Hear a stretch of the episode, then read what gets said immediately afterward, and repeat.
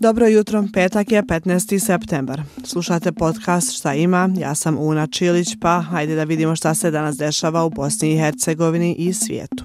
One, two, three, Na samom početku nekoliko kratkih informacija. U bazi Butmir nastavlja se godišnja vježba EUFOR Brzi odgovor 2023. u kojoj učestvuju vojnici iz 22 države.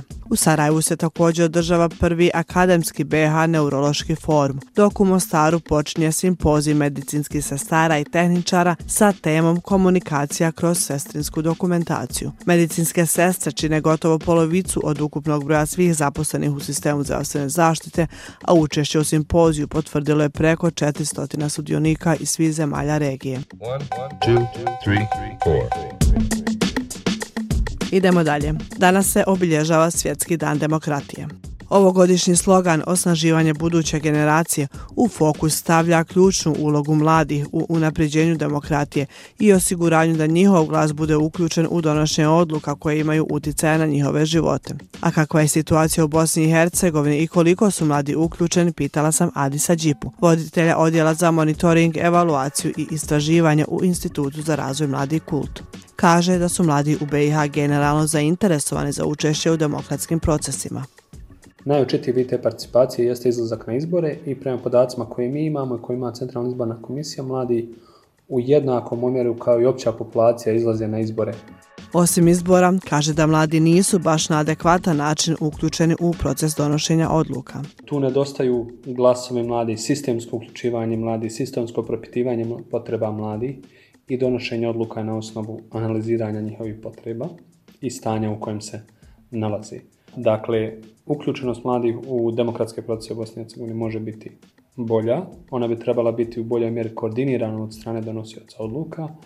A jedan od pozitivnih primjera u zadnje vrijeme koji možemo istaknuti jeste održavanje tematske sjednice o položaju mladi pod nazvom Dobolji prilika za mlade koju je prošle godine održala Komisija za pitanje mladih predstavničkog doma parlamenta Federacije Bosne i Hercegovine uz podršku Instituta za razne mladih kult, a gdje je raspravljano o različitim modalitetima i načinima poboljšanja položaja mladih i gdje je usvojeno preko 50 inicijativa i zahtjeva mladih kako da se u narednom periodu unaprijedi položaj mladih. Džipa dodaje da bi za veću uključenost mladih trebalo implementirati zakon o mladima, koji predviđa sistematsko uključivanje mladih u procese od interesa za njih. One, two, three, Prošlo je godinu dana od kako je u Teheranu u pritvoru preminula Mahsa Amini, djevojka koja je prevedena jer navodno nije propisno nosila hijab. Porodca kaže da je pretučena, a zvaničnici da je preminula zbog ranijih zdravstvenih poteškoća. Njena smrt podstakla je više mjesečne proteste širom zemlje, ali i svijeta protiv režima u Iranu. Protesti su organizovani i u Beogradu i to zbog smrti Makse Amini, zbog rodnog nasilja, ali i u ime solidarnosti sa onima koji traže svoja osnovna prava. O svemu tome moja kolegica Nevena je govorila u Zaviri ispod površine podcastu u epizodi pod nazivom Hiljadu sam puta pomislila što se nisam rodila kao dječak.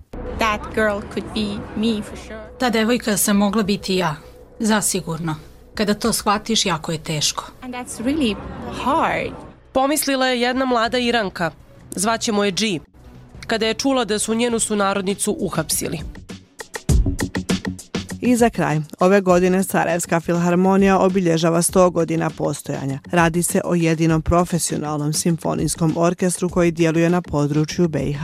Tim povodom večera sa početkom u 19.30 u Sarajevu će biti održan gala koncert u izvedbi solista i hora opere Narodnog pozorišta Sarajevo. A evo šta nam je ranije o radu u filharmoniji rekla violinistica Arvida Kulioli Vračo da živiš s ovom profesijom je jako lijepo, pošto prvo ti puniš dušu, a onda, hajmo reći, i monetarno možemo preživjeti i može živjeti. Obilježavanje 100 godina od osnivanja Filharmonija završava se u oktobru koncertom Rikarda Mutija, jednog od najuspješnijih dirigenata na svijetu. A Dani Mostar nije večeras uskraćen za muzički događaj, govori to da će u Abraševiću u 9 sati naveče biti održan koncert ansambla muzičara sa prostora bivše Jugoslavije No Borders Orkestra. Koncert je poklon umjetnika gradu Mostaru. One, two, three, Eto, to je sve od mene za danas. Sretan ostatak dana i unaprijed ugodan vikend. Čujemo se neki drugi put. Ćao.